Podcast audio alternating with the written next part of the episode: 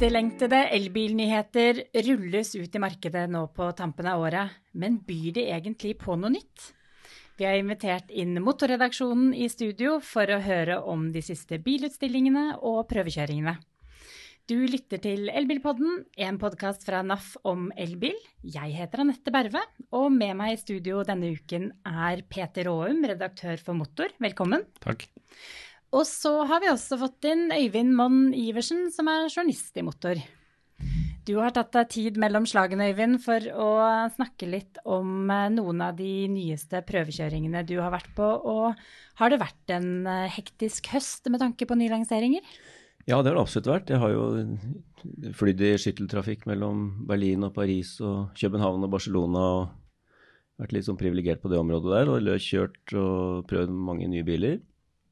Det siste jeg prøvde, var da i Berlin. var det en, en NIO ET7, som jo kom på markedet snart, og som uh, markerer den, altså den fjerde modellen fra NIO her i, her i, Norge. og Det er jo et merke som har klart å etablere seg uh, med disse batteribitene sine, som jeg nå nylig leste at hele 69 nei 96% av de som kjøper en ny NIO, kjøper det med den batteribyttefunksjonen. Det er overraskende mye og etter hva jeg trodde. Jeg trodde vi var mer konservative på det. Men det gjelder jo også den ET7, da, som kommer da i utgangspunktet med to batteristørrelser på 75 og 100 kWt. Og så kommer det etter hvert en, eh, en annonsert batteripakke på 150 kWt. Så da skal den bilen da i teorien klare å kjøre litt av magiske 100 mil men av de nyhetene du har testet denne høsten, vil du si at det er noe som kjennetegner utviklingen i teknologien nå? Kan du summere opp litt? Ser du en rød tråd? Nei, Det man ser fra spesielt de kinesiske bilene som, eh, som, det kommer veldig mange av, det er jo at de, de dytter inn alt mulig ny teknologi og, i bilene sine og markedsfører det for alt det er verdt. Og så er det litt annen opplevelse når du er ute og prøvekjører disse her på, på norske veier. Så er det ikke alle disse featurene og alt mulig sånt som fungerer like bra som det skal. Altså de mer sånn basale kravene vi setter til en bil rundt uh, apper og funksjoner og ting som skal fungere kjapt og smidig, de fungerer ikke alltid like bra. Og lys er det ofte litt dårligere på. Og disse førerassistentene som er litt upålitelige osv. Så, videre. så så i praksis så er ikke bilene like bra som de er i teorien. Da. Det er jo vår erfaring når de kommer på på norsk asfalt og norsk, norsk temperaturforhold. Peter, vi, hvordan vil du summere opp uh, nyhet, elbilnyhetshøsten? Nei, Jeg følger Øyvind på at det er jo de kinesiske bilene som er virkelig spennende. Altså jeg synes Alle de europeiske merkene uh, de blir jo stadig bedre, og de utvider porteføljen sin, uh, modellutvalget. Men det er jo de kinesiske bilene som er nyheten. Og, og Øyvind har jo prøvekjørt de fleste av dem, men det er jo, jeg tror man skal i hvert fall hvis du vurderer å kjøpe en kinesisk bil, og det kan være gode grunner for det, det er jo prismessig ofte gunstige biler, så bør du i hvert fall ha med deg en vurdering av hva slags serviceapparat de har i Norge. Ehm, det er nye produsenter med liten historikk her, og det er viktig å kunne få utbedra feil. Sånn at eh, det å Noen merker som som Byd, som er, eh, har RSA som eh, importør. RSA er jo en dreven, dyktig, profesjonell organisasjon eh, med folk over hele landet. MG har GIL-gruppen eh, etablert, eh, masse rutine. Eh, det er i hvert fall viktig, og NIO er jo, NIO er jo på, mer på egne bein, og, og, og Xpeng har jo slitt litt med å komme i gang på, på den logistikkdelen. Så det er viktig å, å, å gjøre en tanke om hvor du kan få reparert og utbedra en bil hvis du kjøper et, et nytt merke. Men det er, jo, det er, jo, de kommer jo i hopetall, og det kommer nye merker eh, hele tiden. Ukentlig, nesten daglig. Ja, for sist er, jo, er det jo Voia som er blitt uh, skal lanseres nå i, her til lands. Ja, og det er bare et fåtall av bilene som kommer hit. Eh, Norge er jo ikke lenger et selvsagt marked for bilprodusenter. Eh, det er begrensa hvor lenge det har vært gøy å teste et, et mikromarked som det norske. Så de prøver seg de, de, ruller jo Det er mange kinesiske merker som overhodet ikke kommer hit, og som eh, du kan få andre steder i Europa. Så det er, eh, det er en, en, flom av biler. Eh, og Det kjennetegnes ved det som Øyvind sier, at de har mye, de har mye teknologi. Det er ikke gitt at alt fungerer i, i, i norsk vinter.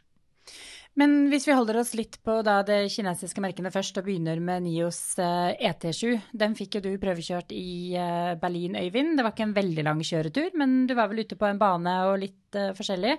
Og fikk gjort deg opp litt flere, mer grundigere erfaringer med kjøreopplevelse, kjørekomfort, førerstøttesystemene. Hva var førsteinntrykket på denne nye sedanen fra, fra Nio? Eh, førsteinntrykket var egentlig at uh, noen kom bort til meg og sa at dette baksetet på denne bilen kan ikke legges ned. Og Det var jo førsteinntrykket, og det er jo dårlig på en uh, moderne bil at du ikke kan legge ned et baksete. Det er jo en sånn funksjon som veldig mange, eller de fleste nordmenn er bortskjemt med fra 20 år tilbake i tid.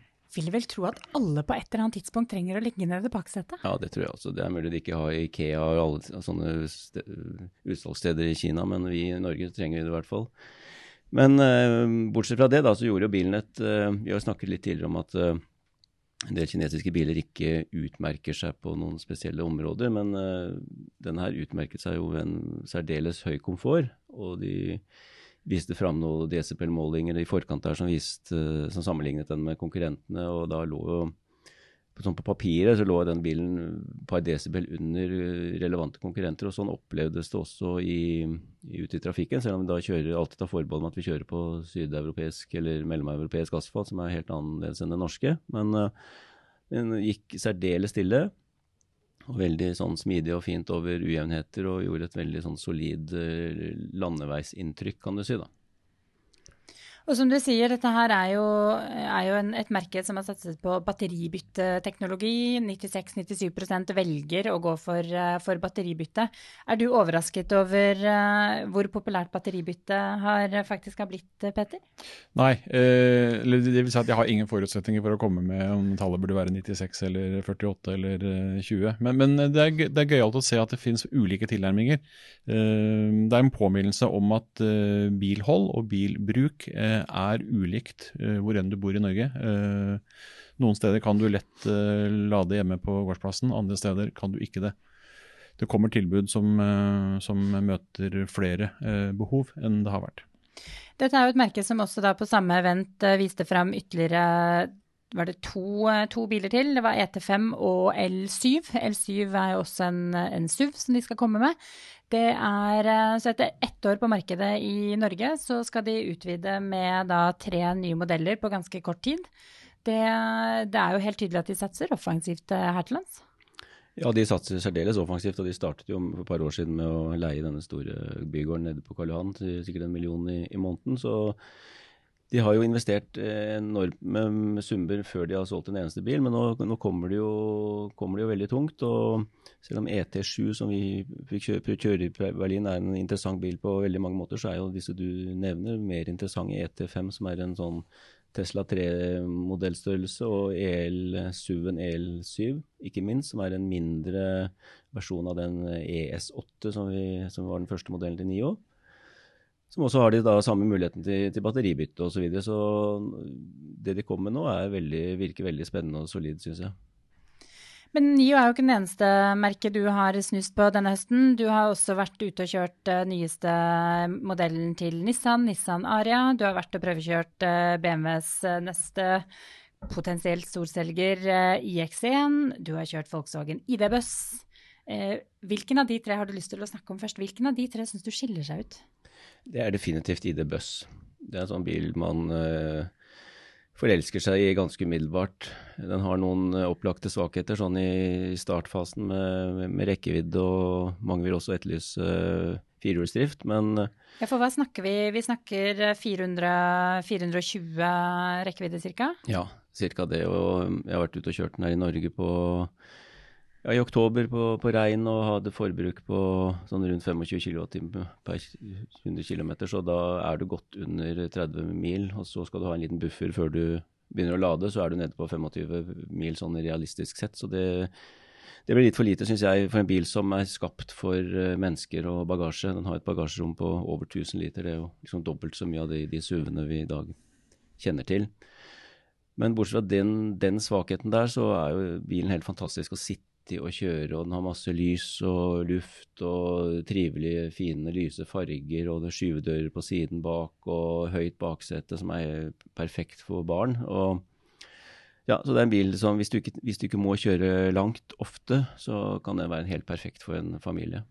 De, det virker som at de kanskje iallfall kompenserer bitte litt for en uh, litt sånn mellomlang rekkevidde med å i hvert fall øke ladehastigheten til 170 kW. Mm. Så får man bare se litt hvordan ladekurven faktisk ser ut. Men dette er jo et segment, Peter, som uh, det ikke har vært veldig mange modeller i egentlig fram til i år.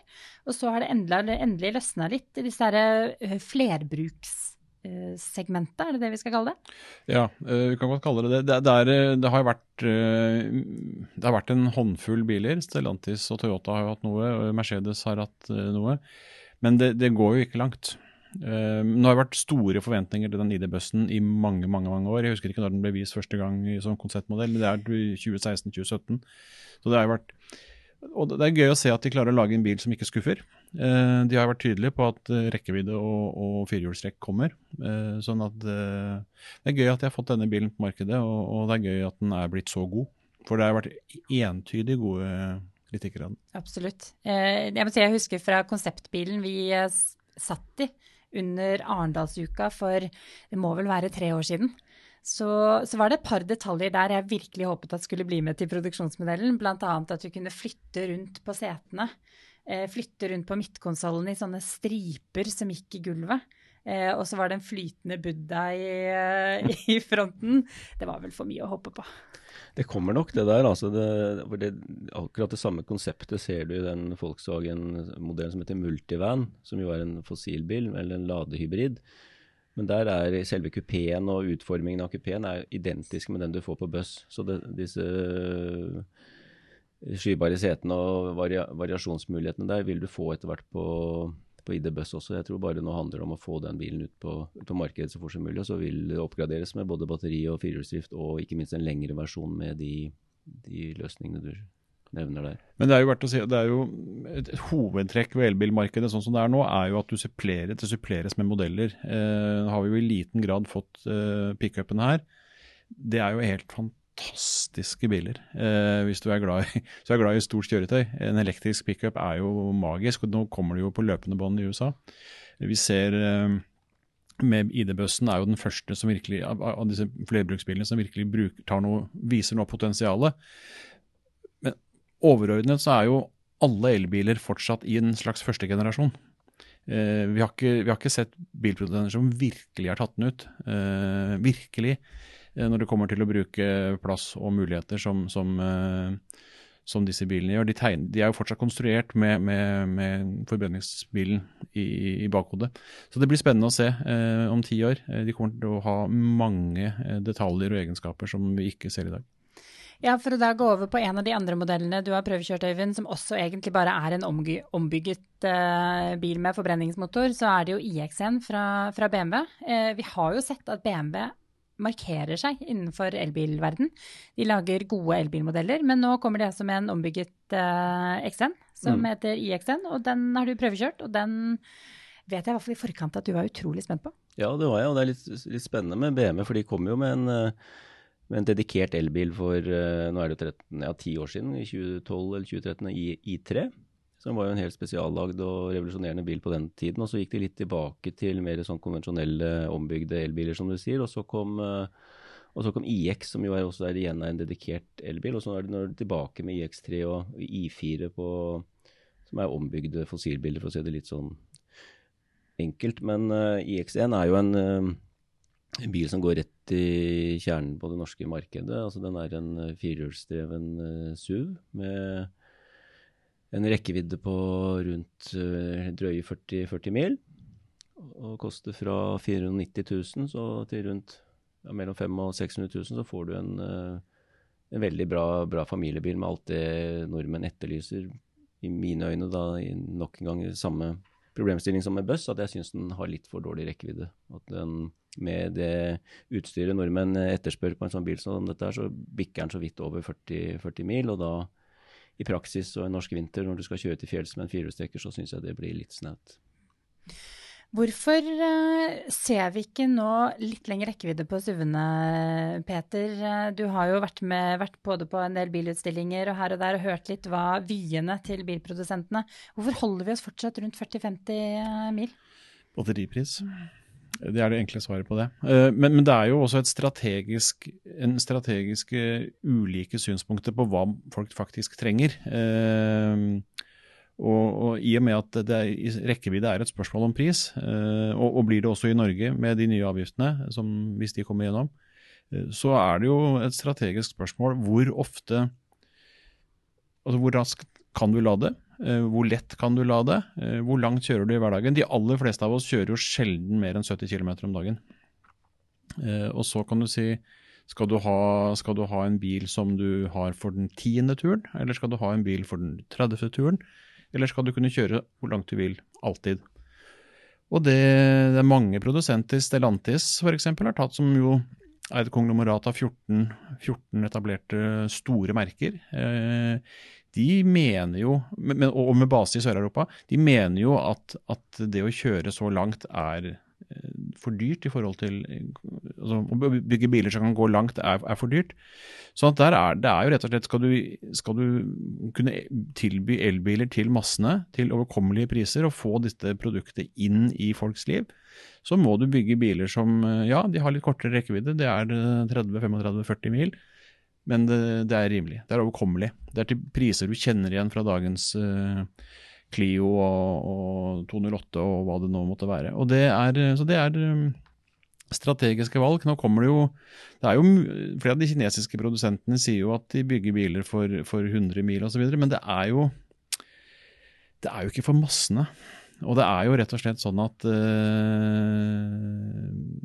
det fort blir altfor dyrt til å gjøre det til et produkt som folk uh, trykker til sitt bryst. Ja, så er det jo en funksjon i de nye modellene som jeg tenker burde kunne være med å løse den, eh, det behovet man har for å kanskje kunne forflytte seg raskere når man virkelig trenger det. Og det er jo forvarming av batteriet før hurtiglading. Og det er det jo ikke alle produsentene som kommer med ennå. Og jeg tror at de som klarer å ha en god forvarming, sånn at du vet at når du først stopper, så har du et effektivt ladestopp. Du er garantert uh, full effekt. Vi ser at folk virkelig sliter med å mm. få den ladefarten de forventer. Det er komplisert. Forvarming kan være med å løse det. Altså, alt, alt, alt, hjelper, eh, men det som hjelper aller mest, er erfaring med elbil. Jo, hvis du har kjørt litt og gjort bruk av en elbil i den kjørehverdagen med de kjørevanene du har, så lærer du masse om hvordan du lett eh, lader effektivt, hvor mye du trenger å lade. Du blir ikke redd når du kommer ned på 15% hvis du vet at du skal et lite antall kilometer. Det er mye enklere. Eh, hvis du hele tiden tenker at du må ha en stor buffer og du må ha sånn og sånn, så, så blir det komplisert. Mm. Helt til slutt, eh, Øyvind, på prøvekjøringene så skal vi over til eh, en produsent som egentlig har eh, regjert her til lands med en modell veldig lenge. Nissan Leaf har jo vært en storselger. Så har man på en måte ventet på den neste modellen. Og den har til slutt kommet, Nissan Aria. Mer enn crossover-SUV blir vel egentlig riktig betegnelse med tanke på størrelsen. Og den har du også fått gjort deg noen erfaringer med. Ja, den har jeg fått kjøre et par ganger i utlandet, og etter hvert også i Norge.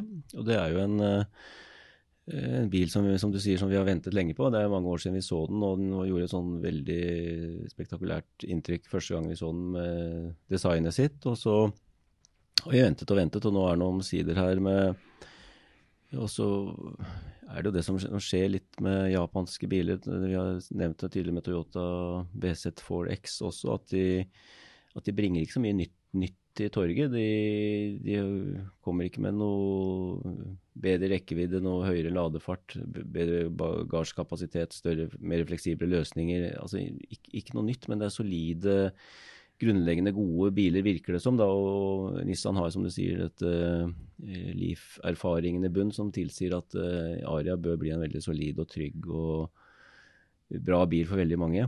Det som uh, slo meg litt da jeg kjørte den uh, forhjulstrukne Arian på norske veier, det var at jeg registrerte en del hjulspinn på, på våt asfalt. Og, så jeg vil nok anbefale den som uh, med firehjulsdrift. Og da ulempen med når den får firehjulsdrift, er at bagasjerommet krymper ganske kraftig ned til bare litt over 400 liter.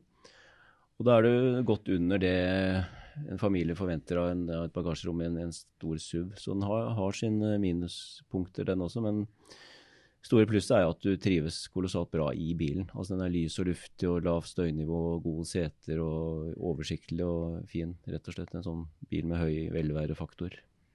Er dette en bil som gjør at uh, Nissan eh, holder seg på elbiltronen, Peter? Um, det er en fin bil, en god å kjøre. Uh, men det, er, det, slår meg når Øyvind snakker om bilen nå, at vi så den første gang før uh, den ble vist på utstillingen i Tokyo, altså i 2019. Det var før pandemien. Uh, det er en evighet siden. og bilen var lekker den gang, den er fortsatt lekker, men den, den virker ikke Den har ikke samme moderne, friske uttrykk nå. Det er en modell som har stått, har stått der i tre år. Uh, og det er interessant å se hvor fort, uh, hvor fort uh, biler blir gamle. Altså. det slo meg litt i en helt annen retning. men Nå viste Polestar på Oslo Motorshow forleden så viste de sin Polestar 6, som skal komme, som er en roadster. Utrolig kul liten bil. Skal komme i 2026. Og hva annet har kommet på markedet innen 2026? Det det er mye, enormt mye. Ja, til og med tre Polestarer til har kommet på markedet innen 2026. Men det er bare å tenke på at det er jeg syns det er litt uh, vågalt av dem å, å, å, snakke med store bokstaver om, om eh, bilmarkedet i 2026, for det kommer til å være annerledes enn det er nå. Men er ikke det bilutstillinger, da? Der kommer liksom konseptbilene som man tenker er dette her i det hele tatt eh, noe som kommer til å komme på veien? Jo, det kan du si. Det er bilutstillingers natur. Men, men, men det, er, det er, og det er, det er, gøy å se på framtida. Men, men, eh, det var mest et poeng med tanke på, på Aria, som, som jo var, altså var, en perle da den ble vist uh, i 2019. Virkelig en perle. Veldig mye bra, men litt for, uh, litt for, sent. Hva er det som venter uh, av nøkler i ukene fremover, Øyvind? Hva er det lytterne våre kan lese om på motor i tiden som kommer? Det jeg gleder meg veldig til nå, det er å få kjørt omsider få kjøre Toyota BZ4X. Og, omsider? Omsider, ja, etter disse hjulboltproblemene som har holdt disse bilene, og også Subaru Solterra, som jo er en teknisk sett en tvilling, har holdt disse inne i tre og en halv måned. Så nå kommer de ut omtrent samtidig, og jeg, får, jeg er så heldig at jeg får kjøre begge to samtidig et par dager også, for å sammenligne om det er noe som helst forskjell på disse bilene, eller om vi fortsatt kan skrive og si at de er tvillinger, selv om importørene og forhandlerne vil at vi skal fortelle om forskjellene. Men er, jeg tror ikke det er så store forskjeller. Og så er det veldig spennende. Toyota har jo, Det har vært litt mye, mye uklart om Toyotas prioritering av elbilutviklingen. Om en snau måned så har de en konferanse, en årlig konferanse som de pleier å ha om hva de tenker rundt elbiler og, og, og hva slags produktutvikling de har. Hvor de ofte gir ganske gode frampek og har gode analyser av, av og vurder, gode begrunnelser for hvorfor de vurderer som de gjør. Det blir spennende å se eh, hva de faktisk kommer med, fordi de, de er jo verdens suverent største bilprodusent, og de lager jo biler som folk er glad i. Eh, siste registreringstallene i oktober var jo eh, imponerende. Selv om de ikke hadde noen biler blant de 20, eller 10, beste, 10 mest registrerte, så det jo, var det jo nest, eh, importøren med nest flest eh, biler. Så de, de, har en bredde, og det blir veldig spennende å se hva de kommer med på elbilfronten når de først trykker til. Eh, jeg tror de kommer med noe atskillig bedre enn BZ4X. Ja, og Du var jo også på bilutstillingen i Paris, eh, Peter. så hvis vi da ser litt i, Nå har vi fokusert veldig på bilene som er her nå, eh, som kommer på markedet. Men hva er det da, hva ser du at kommer fremover? Nei, Bilutstillingen i Paris den, den handler om, om, to ting særlig. Eh, det er jo at eh, Stellantis-merkene går og stamper og, og elektrifiseres og, og, så smått forbereder neste generasjon. Eh, Stellantis kommer med en enorm kraft om tre-fire år på det elbilmarkedet. De har en utrolig visjonær eh, toppleder, Carlos Tavares. Eh, som har brukt tid på å få strigla disse ulike merkene og, og det han har øh, sanka sammen fra USA og europeiske produsenter. Øh, så viste jo Renault også noe i Paris, men, men øh, fra, på Stellantis-fronten var det særlig den første elektriske jeepen. Som jo i utgangspunktet har mange av de samme egenskapene som vi kjenner fra de andre BSUV-bilene til Stellantis, altså Mokka E, Opel Mokka E og, og Peugeot E 2008 men som har en bakkeklaring og, og forhåpentligvis firehjulstrekk etter hvert, som gjør at den vil kunne uh, gå der jeeper skal gå. Uh, så jo ganske kul ut. Uh, ellers så var Paris en manifestering av at de kinesiske bilene nå for fullt kommer i Europa. En del av dem har hatt piloter i Norge. Særlig Byd presenterte jo viste jo da sine fire første biler på ett brett i, i Paris. og det er den som heter Byd Han, altså den største, litt sedanaktige, minner litt om en modell S uh, i formen. Den, det, det, er en stilig bil. Stor og kraftig. Og så kommer det jo med Atto 3, som blir, en, som blir en, et godt budsjettalternativ, tenker jeg, for mange.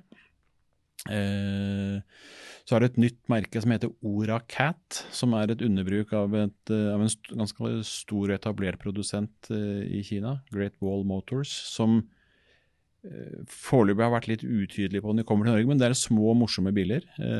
Litt, litt sånn bobledesign. Folkevogn-bobledesign. Men, men kule biler. Så det er kinesiske merker som liksom for alvor markerer seg i Europa og sier at nå, nå kommer vi. Og spenningen er ganske stor tror jeg, i en del av markedene, i Europa. For det er, eh, det, er, eh, det er, mange som sliter med å få liksom, tempo på bilproduksjonen. Eh, de sliter med å få prisene ned. Og når det kommer kinesiske biler i hopetall, så, så blir det utfordrende for de europeiske så fort skepsisen til kinesiske biler dempes i Europa. og Den kommer til å dempes. Ja, for den må vi jo si at den er der fortsatt. Det ser vi i eh, kommentarfeltene. Det ser vi på tilbakemeldingene NAF eh, også får fra, fra medlemmer. Det er ikke uten problemer at uh, kinesiske produsenter vil inn i Europa. Nei, det er ikke uten, er ikke uten utfordringer. På mange måter så tror jeg i det norske markedet så blir bydd uh, store prøvesteinen fordi at de Byd er en Eh, etablert, stor eh, og god bilprodusent, kjøretøyprodusent i, i, i Kina.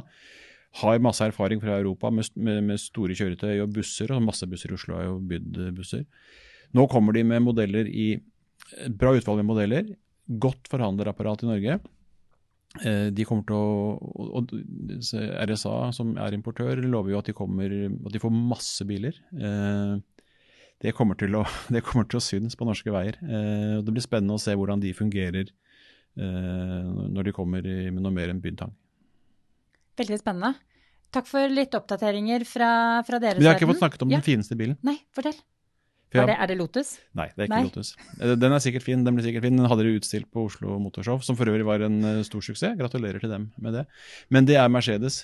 Eh, Mercedes uh, fullfører jo nå eh, sin EQ, altså sin elbilportefølje, og har De kom jo i fjor, eh, sent, sent, i 2021, eh, tidlig 2022, med sin EQS, som jo er eh, en sedanutgave, en veldig usedvanlig lekker eh, bil. Eh, en elektrisk S-klasse, om du vil. Nå har de kommet med SUV-utgaven av den bilen. Den er jo helt latterlig fin. den har du kjørt? Den har vi fått kjøre. Den er dessverre for folk som ikke trenger å tenke på budsjettet. Eh, så den koster jo fort eh, 1,3 millioner eh, oppover, men, men eh, uovertruffen i, i komfort og, og, kraft og, og, og kjøreopplevelse. Uh, hvis ikke du tenker da på det rent sports, sportskjøring. Men, den, men det, det, spennende er jo at de da i Paris viste lillebroren, som da er EQE eh, SUV som uh, kanskje har et enda heldigere design, og som uh, har noe lavere pris. Uh, men som også er en veldig vellykka bil som plasserer seg mellom EQC og, og, EQS, og som kommer til å, kommer til å bli en tøff utfordrer for BMW IX, Audis toppmodeller osv. Det var en, eh, en, god avslutning, eh, en god avslutning her. Det er alt vi rakk for eh, denne gang, men da er det bare å holde seg oppdatert på motor.no og på naf.no elbil for å få med seg de nyeste prøvekjøringene og tips og råd rundt hvordan du får mest ut av elbilen din. Husk at du kan abonnere på denne podkasten i alle tilgjengelige podkast-apper på Spotify og YouTube. Og du kan eh, finne oss på Facebook. Der heter vi NAF Elbil. Og NAF Norge på Instagram. Tusen takk til deg, Peter og Øyvind, for at dere kom i studio. Eh, I studio som alltid, jeg heter Anette Berve, og mannen som sørger for at eh, alt ser bra ut og fungerer teknisk, er Peter Jacobsen. Og i dag, siden det var min første soloepisode, så fikk vi litt blomster fra kollega Camilla Jasmin Müller, og det var jo veldig hyggelig. Så vi takker for oss for i dag, og så høres vi igjen om en uke.